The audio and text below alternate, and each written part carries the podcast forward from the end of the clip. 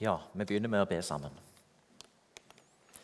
Herre, jeg er kommet inn i ditt hellige hus for å høre hva du, Gud Fader, min skaper, du, Herre Jesus, min frelser, du, Hellige Ånd, min trøster i liv og død, vil tale til meg. Herre, lukk nå opp mitt hjerte ved din Hellige Ånd, så jeg av ditt ord kan lære å sørge over mine synder og tro i liv og død på Jesus og fornyes dag for dag til et hellig liv. Det hører og bønnhører du ved Jesus Kristus, vår Herre. Amen.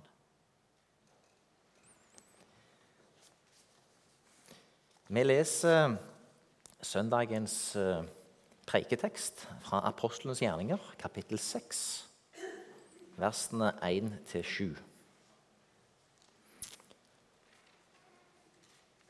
På denne tid, da tallet på disipler stadig økte, kom de gresktalende jøder med klager mot de hebraisktalende fordi deres enker ikke ble tilgodesett ved den daglige utdelingen.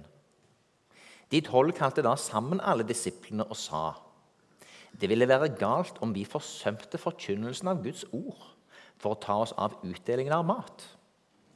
Brødre, velg nå ut blant dere sju menn som har godt ord på seg og er fullt av ånd og visdom. Dem vil vi sette til denne oppgaven men vi skal vie oss til bønnen og ordets tjeneste. Dette forslaget ble godt mottatt av hele forsamlingen. Og de valgte Stefanus, en mann fullt av tro og hellig ånd, og Philip Prokoros, Nikanor, Timon, Parmenas og Nikolaus, en proselytt fra Antiokia. Disse ble ført fram for apostlene, som ba å la hendene på dem. Guds ord nådde stadig flere, og tallet på disipler i Jerusalem økte sterkt. Også en mengde prester ble lydige mot troen. Ja, partier, fraksjoner, ulike interesser, ulike kulturer, ulikt språk. Det er ikke så uvanlig blant oss mennesker at uh, ulikhetene får et eller annet uttrykk. Uh, I morgen er det valg. Vi erfarer òg at innen partiene, som jo skal mene ca. det samme, så kan det være sterke spenninger. Så det i Kristelig Folkeparti i fjor. Eh, og du kan se det i andre partier òg. Og Det er heller ikke så uvanlig innad i menighetene. Ja, vi står sammen. Eh, vi har fått åpenbaringen om Jesus Kristus. Men sannelig, vi er ulike dere. Eh, og den ulikheten kan gjøre at det kan bli heftige stridigheter i kirker, i organisasjoner, i ulike forsamlinger. Det å vise barmhjertighet og fordele mat fra de som hadde mye, til de som hadde mindre, det var jo en veldig fin måte å vise fellesskap og enhet på. Og jeg tror til å begynne med, når åpenbaringen var der og ånden hadde kommet over dem på pinsedag, så tror jeg dette fløyt veldig fritt. Jeg tror dette fungerte helt intuitivt.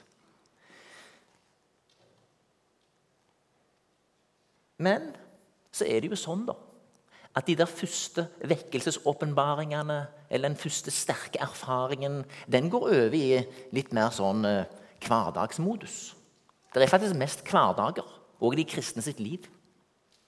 Vi drømmer av og til om at vi skal flyte på den der åpenbaringsskyen. Altså. Men sorry, Sam. Den, eh, den kan, den kan uh, av og til være langt vekke. Og vi kan kjenne oss veldig hverdagslige.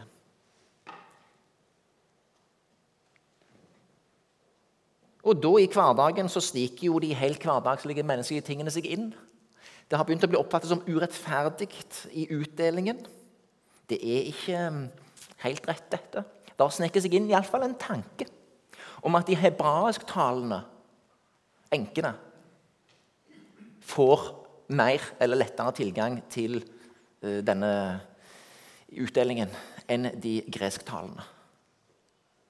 For det var jo sånn at på pinsedag og i tida etterpå så er det altså da både um, hebraisktalende eller arameisktalende jøder.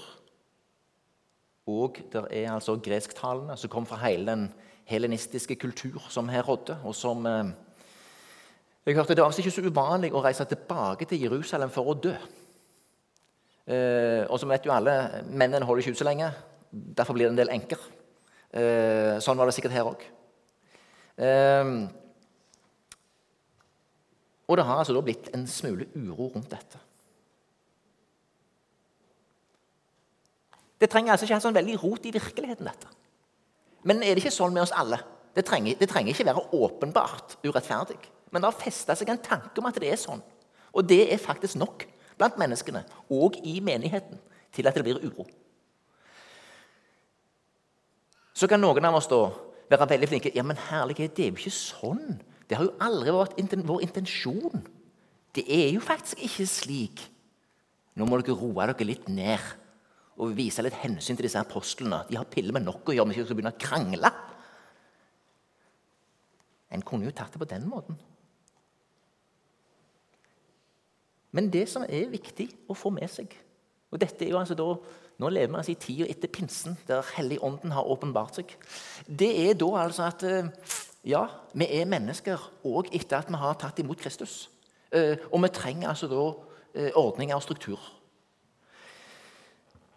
Og det ser apostlene her.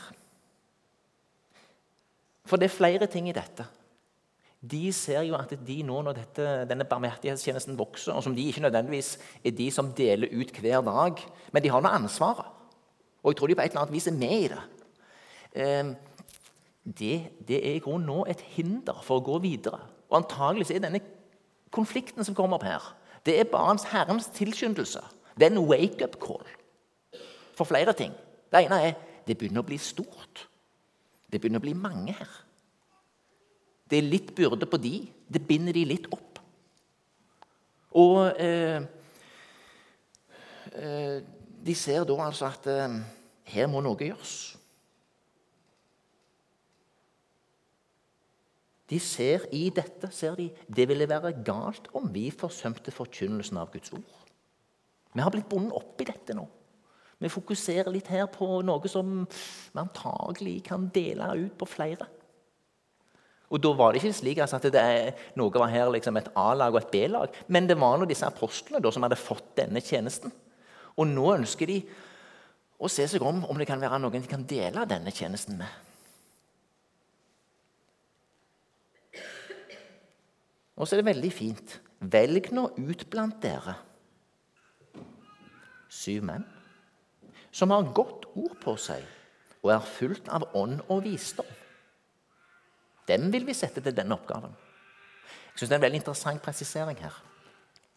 De sier altså ikke eh, hvem er de mest empatiske, som forstår seg mest på ting. Hvem er, hvem er spesielt orientert mot sannhet her og fort ser urettferdighet og, og, sånne ting.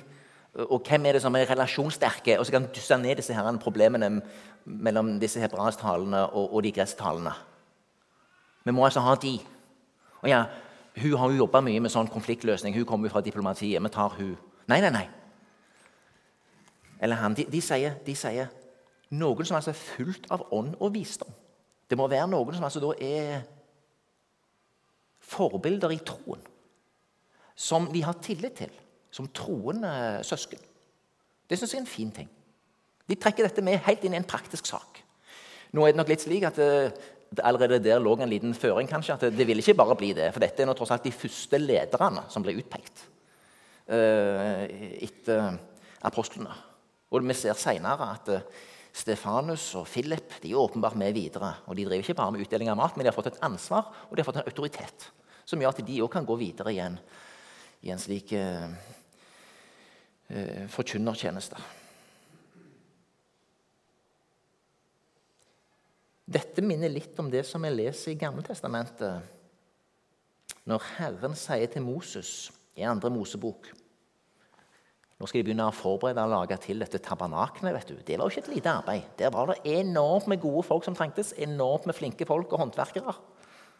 Jeg har kalt Besalel, sønn av Uri, Hurs sønn av Judas stamme, og fulgt ham med ånd fra Gud med visdom, innsikt og kunnskap. Og med evne til alle slags håndverk. Det er interessant. Jeg tror at vi i vår eh, tradisjon har begynt å bli både veldig sånn akademiske intellektuelle på mange, mange nivåer. Og skiller veldig mellom hånden og ånden. Eh, min erfaring er vel altså at noen av de smarteste folk jeg møter, de er kanskje bønder eller håndverkere. Fordi mange av de må jo både være la oss si, flinke med hendene og fikse og se en del ting, eh, og faktisk eh, greie de andre tingene òg. Eh, det er lettere for oss, en del av oss akademikere bare gjemme oss i det lille vi har lært. Sole oss i mastergraden og herje på. Men, men her er det noe. Det er åpenbart altså at i det bibelske prinsipp er at det ikke er noen veldige skiller her. Og, og, og uh, jeg vil si vi ser det litt òg i Salem. Den omsorg som noen viser for dette bygget, tror jeg åpenbart òg skyldes åndelig åpenbaring og åndelig visdom. Det tror jeg. Og det er jeg takknemlig for. Det tror jeg òg gjelder de som vasker her. Eh, jeg håper iallfall det. Og jeg i hvert fall sier det. At sånn, sånn er det. Fordi det er ikke bare Eh, et praktisk arbeid og så noen sagt åndelig arbeid. Nei, det er et åndelig arbeid, alt vi holder på med. I vår lutherske tradisjon har vi holdt det oppe, og det er en fin ting. Arbeidet er en gudstjeneste.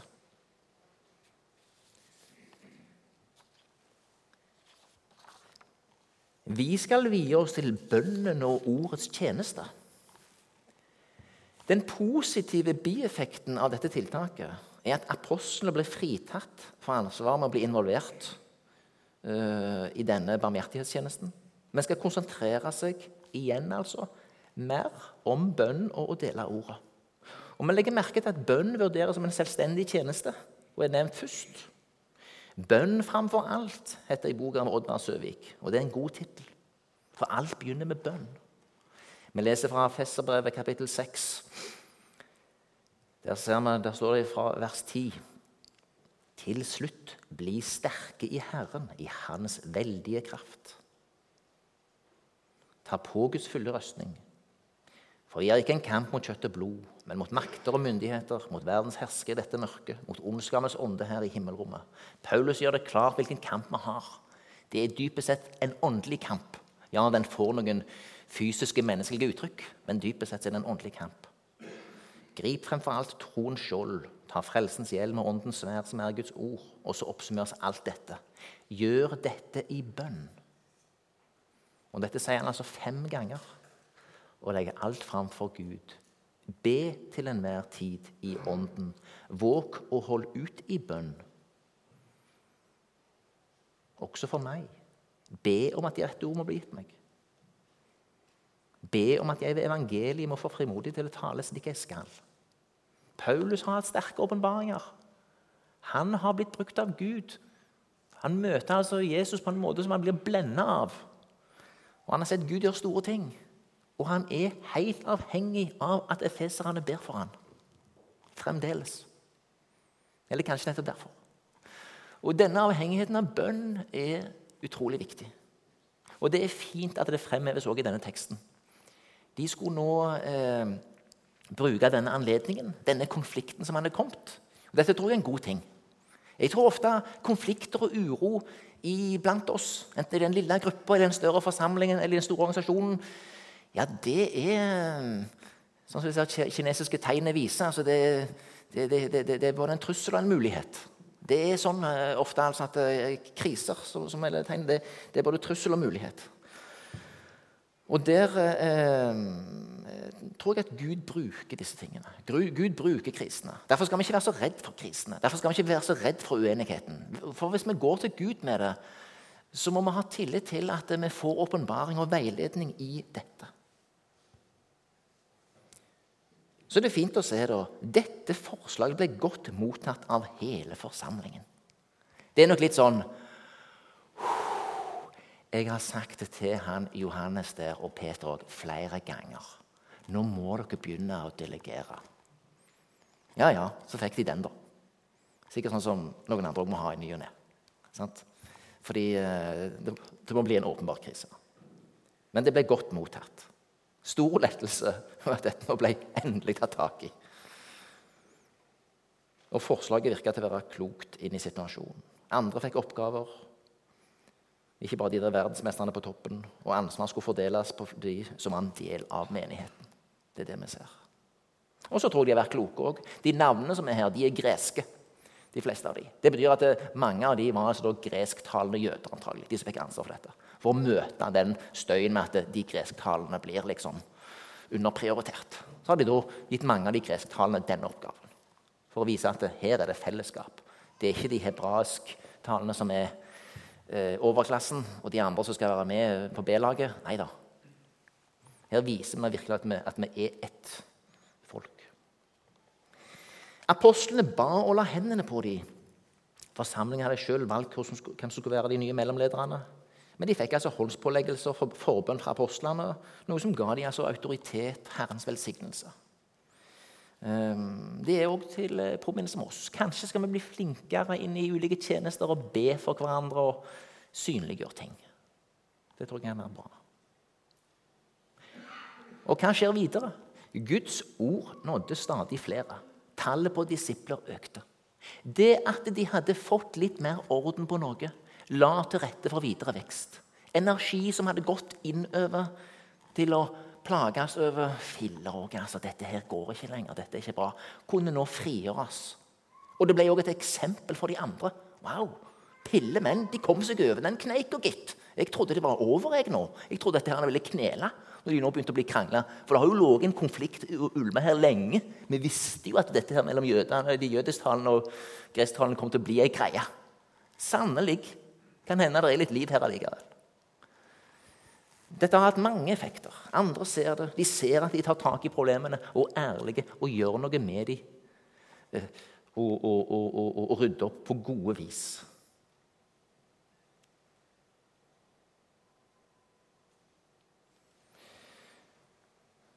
Og Dette er igjen eh, videre formidla i eh, den første leseteksten som Emma leser. Du tretter ut på deg selv og folket som er med deg. Dette er for stritt for deg. Du kan ikke gjøre det alene. Og Der eh, må jeg bare oppfordre at hvis dere ser noen ledere, enten de betalte eller ubetalte, så dere syns har litt mye, så går det an å gjøre som Jetro. Hinte litt om det. For vi ønsker ikke at noen skal grave seg ned i noe og, og, ikke la seg bli det de skulle bli i sin tjeneste. Vi ønsker at folk skal få lov til å delta på en måte som er god og byggende. Jeg håper ikke at jeg blir så flink til å manipulere på feil måte og avvise alle signalene som måtte komme fra dere. Jeg håper dere på ulike vis greier å få de inn. Um, men det gjelder ikke bare eh, ansatte her. Det gjelder alle som kan stå i en tjeneste. Det kan ha blitt litt for mye. Nå vet jeg at han eller hun har litt andre ting òg hjemme der og sånn, og kanskje. sant? Det, det, det at vi tør å, å, å, å, gi hverandre råd om disse tingene. For vi ønsker ikke at tjeneste skal være noe som bryter oss ned. Vi ønsker ikke at tjeneste skal være noe som, som blir eh, på en måte som gjør at det bare sitter i magen. Her lærte jeg noe av en, eh, en god hedning en gang. En entreprenørgutt. spurte han ja, du, når du har personalutfordringer, hva gjør du da? Ja Du kjenner det i magen når det er noe, og da må du ta det med en gang. Det fikk jeg. Wow, for en klok mann. Du kjenner det i magen når det er noe, og da må du ta det med en gang. Her tror jeg ofte at vi kristne kan utvikle la oss si, former som gjør slik at det er vondt i magen lenge til det vi feider ut. Nei, vi må ta det opp. Først kan du ta det opp med Herren, og så kan du snakke med noen andre. og så må du, uh, Enten du, din egen smålighet eller andre ting, uh, så må du bare tørre å konfrontere noen med den. Du må bare tørre det. For vi må ta det opp. Det kan vise seg at det var feil, det var en misforståelse, men hvis det er noe der, så er det sannhetens ånd å dele det. Og det utrolige er altså at det ofte er mange som ikke bekjenner troen på mange måter lever mer i pakt med sannhetens ånd enn oss uh, litt konfliktsky, forsiktige kristne. Som skal være så veldig sånn hyggelige. Dette er en viktig ting. Uh, men Jetro ser det og tar det opp. Moses, du kan ikke holde på sånn. Og så er det en veldig fin ting. da. Innprent den budene og lovene, og lær dem den vei de skal gå, og de gjerner de skal gjøre. På, I basis skulle ligge at de kjente loven. Og Derfor har vi søndagsskole og derfor har vi undervisning løpende. Fordi vi skal bli undervist i bud, forskrifter i evangeliet og kjenne Gud. Og så skal vi ut ifra det kunne ha en trygghet på at folk her kan vi bruke fordi, fordi de har blitt gitt mat. Og igjen her òg veldig udyktige menn av hele folket. Menn som frykter Gud, er pålitelige, hater urett vending. Sett dem til førere for folket. Og dette er det viktige. Slik skal du lette byrden for deg og la dem bære den sammen med deg. Dette er kjempeviktig. Vi bærer sammen. Med de gaver og utrustninger den enkelte har fått. Vi bærer sammen. Det veldig fine i akkurat denne her gudstjenesteforsamlingen det er altså at eh, hvis, eh, hvis jeg får uh, en eller annen sykemelding i ti måneder, så ruller gudstjenesten her videre. Noen andre setter opp taler, og ting fungerer. Fordi her bærer en sammen. Det hviler ikke på at noen veldig få lager dette møtepunktet. Dette er en veldig sterk og robust struktur som jeg er veldig takknemlig for. Dere som er med i, i tjenestegruppa for, for, gudstjenesten, er invitert til en samling den 29. oktober. Så er det òg sagt. Tirsdag 29. oktober. Eh, jeg er veldig takknemlig eh, for at det, bæres av så mange. Og Skulle du være interessert i å være med i tjenestegrupper på ulikt nivå, så er det garantert ledig plass. Dere kan ta det med eh, meg eller med gruppelederne. All tjeneste bør bæres i fellesskap. Jeg tror Det er noe av det sunneste vi ser. Det er nok mange deler på ansvar og lederskap. Eh, det er nok litt farlig når det er de få. Den ene med de sterke visjonene. og sånn. sånt. Det, det, det må deles på flere. Fordi vi greiner på vintreet. Og det er jo innledningen i den siste teksten, som vi leser fra Johannes 15, der Jesus oppsummerer og sier at han har utvalgt de, og at de er hans venner. Men kapittelet der begynner med å snakke om eh, at de er greiner på vintreet. Og at han er vintreet. Og at vi er en del i han. Så dess, dess mer vi får brukt våre gaver, dess ærligere vi er hverandre i, i forhold til Eh, belastning, og dess mer vi tør å dele og tjene sammen, ja, dess mer vokser Kristus blant oss, dess mer kan vi ære Gud. Som jo er målet for det vi holder på med. Slik at det kan bli synlig for de andre. Slik at vi kan bære frukt. Slik at uh, Det kan bli synlig for omgivelsene at se hvordan de elsker hverandre.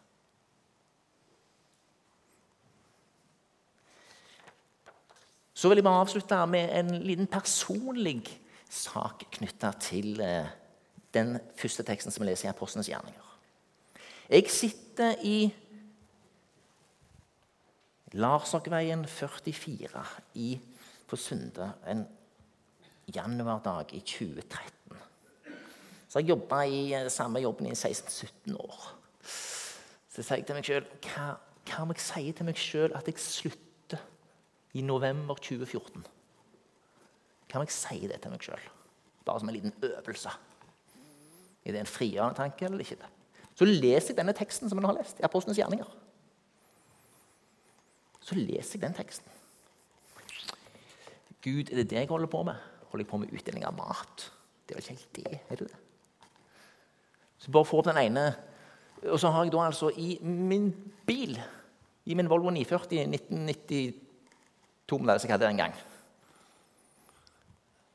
Med imitert saueskinns-pels uh, uh, i framsetene. Så småungene syntes den var helt fantastisk fine. Selv om det var megaharry. Der lå det et engelsk nytestament. Så ser jeg det testamentet, og den røde tråden på det testamentet er altså i apostlenes gjerninger. Jeg husker hva jeg har lest dagen før. Så jeg slår opp i Apostelens kapittel 6. Og så leser jeg da hvordan det sto der. So the 12 apostles called the whole group of believers together and said, It's not right for us to neglect the preaching of God's word in order to handle finances. Og den treffer meg midt i planeten. Det finnes mer enn 20 engelske oversettelser vet du, som har lett tilgang til. Dette er den eneste som har den overskriften. Jeg har eid det Nytestamentet i over 20 år. Da har jeg kjøpt det sjøl. Og det ligger altså med den tråden på apostelens gjerninger. Og da er det jo klart Det setter en gang i prosess i meg, som gjør at i løpet av en måned så ser jeg dette veldig tydelig. Kristoffer Nå er du bare heldig, fordi liksom, du er nå over the hill. Om tre år så vil alle andre se du over the hill. Nå får du den lykke å kunne liksom avslutte sjøl mens folk liksom savner deg. Det er jo helt gull. Det er jo helt fantastisk. Eh, og det er jo mye bedre enn å bli invitert inn i en SR-Banks avdeling for nye muligheter. Sant? Da vet du hvor du er liksom. Sant? Når du kommer dit. Så det var jo for meg eh, en veldig, veldig, veldig, veldig tydelig sak. Så disse versene her betyr noe spesielt for meg. Gud har ledet meg gjennom de. Først leder han meg altså ut av finans. For jeg tror han trengte å lede meg ut av finans før han skulle lede meg inn i noe annet. Den oppturen som jeg så, var at jippi. Nå skal jeg kunne kose meg på denne gården og bare bygge skogsveier og sage ned trær. Det er en annen historie. Det ble dessverre ikke så mye av det. Men eh, han som altså var med i bibelgruppa med i alle disse årene, fra 2006 til 2016, han fikk òg en åpenbaring en dag han sitter og pløyer en vår 2016. Han skal jeg spørre. Og det var interessant. Så Gud leder på rare vis. Gud gir åpenbaring. Gud gir oss åpenbaring om hvem han er. Den hellige ånd viser oss hvem Jesus er. Samtidig er vi avhengige av at vi har strukturer og orden i det vi holder på med. Og sånn veksler vi. Dette kan vi snakke mye om. Overgangen mellom åpenbaring og få det gitt og se det, og samtidig etablere gode ordninger og struktur som hjelper hverandre videre på veien, slik at vi kan bære byrdene for hverandre.